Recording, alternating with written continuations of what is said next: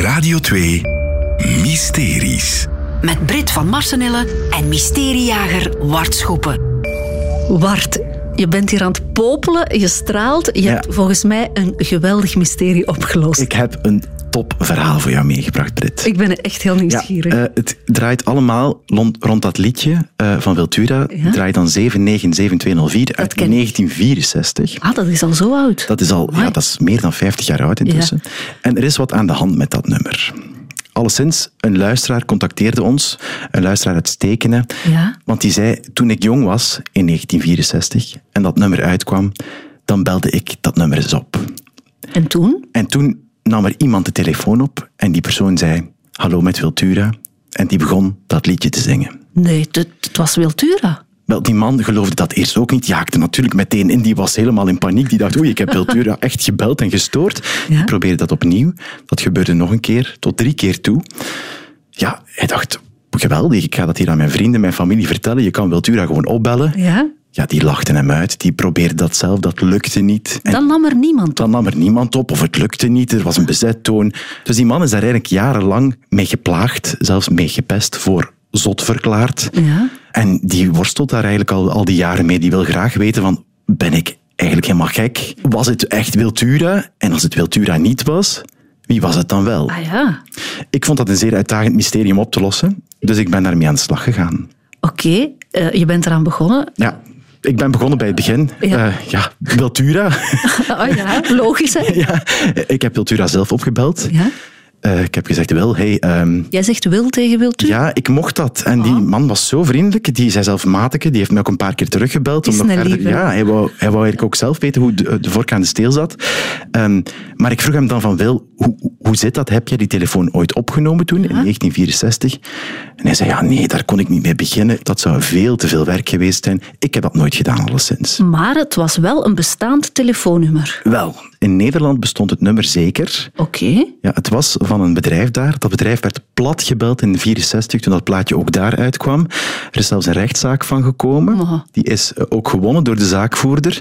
En daardoor heeft Peltura eigenlijk eh, ja, zijn doorbraak nooit echt gemaakt in 64 in Nederland, want die plaat is uit de rekken gehaald. Dus eh, dat is echt niet van de grond gekomen door die rechtszaak. Maar het nummer bestond hier dan ook. Dat heb ik moeten proberen uitzoeken. Ik heb de luisteraars gevraagd om mij info te geven, want ik was Brit zelf nog niet geboren toen, dus ik had externe hulp nodig. Eh, en er zijn wel luisteraars die mij getipt hebben. En eh, er was één iemand, Ria Hendricks, uitstekende, die mij eh, een, een, een, wel een geweldige tip aan de hand heeft gedaan. Want die zei, ik ken dat nummer. Ik ken dat nummer, dat is van een jongen waar ik vroeger mee ging dansen een heel knappe jongen uit het dorp waar ik vroeger mee ging dansen. Een jongen uit Stekenen. Ja? Die jongen had ook een broer. Die broer kon trouwens ook heel goed dansen, maar dat doet niet ter zake.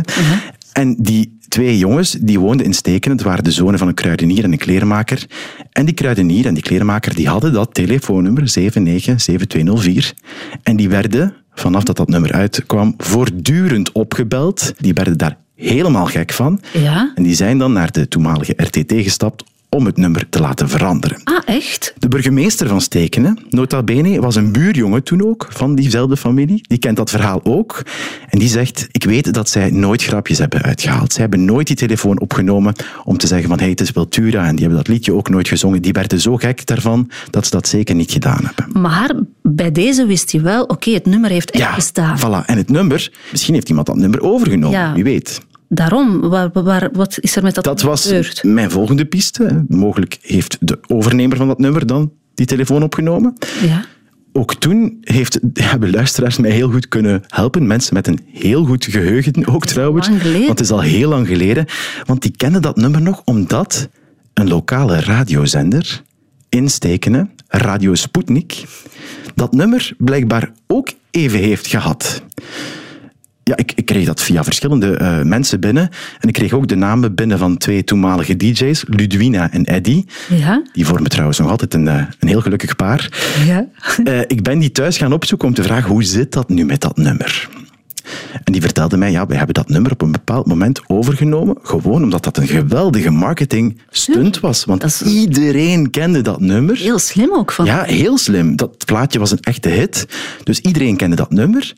En zij draaide verzoekjes. Zij draaide natuurlijk Wiltura zelf. Zij draaide Eddie Wally. Zij draaide de zangeres zonder naam. Als mensen dat nummer belden, konden zij een plaatje aanvragen voor een buurman, voor een, voor een lief. Dat kon allemaal. Ja. Maar 1964, dat herinneren ze zich niet. En ze zeggen ook van, wij hebben ook nooit de telefoon opgenomen en gedaan alsof wij Wiltura waren. Wij hebben gewoon die plaatjes gedraaid. Dus ja, daar zat ik dan. Hè. Ja. dus kan het nog altijd zijn dat de ene luisteraar die jou gecontacteerd heeft, dacht dat hij Wiltura aan de lijn had, maar misschien dan zot blijkt te zijn. Ja, of een, of een pintje te veel had gedronken Ja. of zoiets. Ja, dat, dat begon ik eigenlijk ook te denken van, ik ben hier eigenlijk in de maling genomen. Ja. Dus ik heb ehm, nog een soort ultieme oproep gedaan naar onze luisteraars van, ja, is er iemand die meer weet? En toen kreeg ik een tip van Nancy Vergouwen uit Sint-Niklaas, Ja. die mij die eigenlijk de sleutel is om dit mysterie op, op te lossen.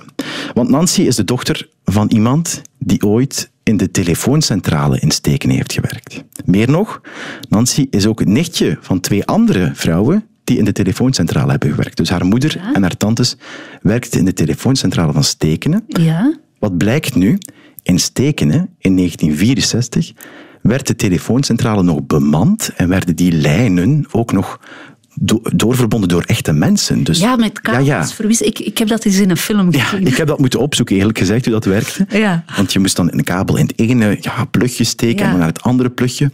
Om een lang verhaal kort te maken, die mensen zaten tussen twee bellende personen in. Ja. En die moesten natuurlijk meeluisteren, wie wil er met wie spreken. En zij konden natuurlijk ook het gesprek meevolgen, tot Mhm. op zekere hoogte. Ze zei, je moet daarmee aan de slag. Ik heb mijn tantes opgebeld en ze zeggen dat je op zoek moet gaan naar één man. En dat is Lucien Verreken. Lucia. Lucien Verreken, zei ze, die moet je zoeken. Die man die moet daar meer over weten. En die man leeft nog. En ik weet zelfs ongeveer waar hij woont, in een deelgemeente van. Ik ben die man beginnen opsnorren, opzoeken. Dat was eigenlijk niet zo moeilijk. Ik vond die eigenlijk heel snel. Ja. Ik heb die gecontacteerd. En die zei, weet je wat, ik wil het verhaal vertellen. Ik zal er zelfs nog een ex-collega bij halen. Hij heeft dan zijn, eh, zijn ex-collega Aster erbij gehaald. Oké. We hebben afgesproken in het oude station van Stekenen, waar toen in 64 ook de telefooncentrale was. Ja, want Lucien en Aster, hoe oud zijn ze nu dan? Weer? nu vraag je mij iets, dat weet ik eigenlijk echt helemaal Nee. niet. Ze hebben wel al een gezegende leeftijd. Ja, oké. Ehm, Aster en Lucien, die onderschepten telefoontjes die bedoeld waren voor Wiltura. want dat nummer moest via hen passeren. Het was een Ja. nummer in Stekenen. En dan deden zij alsof zij Wiltura waren. Onwaarschijnlijk. Ze hadden een perfecte rolverdeling. Lucien voerde het woord. Hij zei, met wie spreek ik? Wie bent u mevrouw? Komt u misschien even langs naar mijn optreden volgende keer? We zullen na het optreden afspreken. Ik beloof u een kus en een knuffel. Maar... En Aster, die nam de andere rol op zich. Die zong het liedje. Ah, oké. Dus die zong dan, draai dan 797204. Waren twee sloebers. En het leuke is, ze schamen zich er eigenlijk niet echt over. Ah, echt? Nee, nee. En het leuke is, het telefoonnummer bestaat eigenlijk nog altijd. Nee. Natuurlijk niet in die vorm met zes cijfers. De telefoonnummers zijn intussen wel wat langer geworden. Ja. Je moet er nu een zonenummer voor draaien. En nog een nummer dat ik niet zal nu vertellen, want anders krijgt iemand heel veel Oh. telefoon. Maar dat nummer 797204 bestaat nog altijd.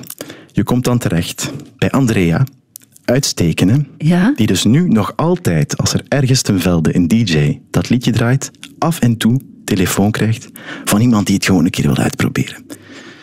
En Andrea neemt dan op en die moet dan die mensen ontgoochelen. En het grappige is, Andrea had een man, die is jammer genoeg overleden, en die heette Willy. Dus af en toe kreeg Andrea telefoon en vroegen mensen naar de Bill of Willy en dan gaf ze haar man door. En zong hij dan het liedje? Soms zong hij dat liedje. Ongelooflijk, Wart. Echt waar, wat een mysterie. En je hebt het helemaal opgelost. Ja, fantastisch. Met de hulp van de luisteraars. Waarvoor Ja. dank. En ook dank voor de humor van Lucien en Aster. Absoluut. Meer mysteries? Volg alles in de Radio 2-app.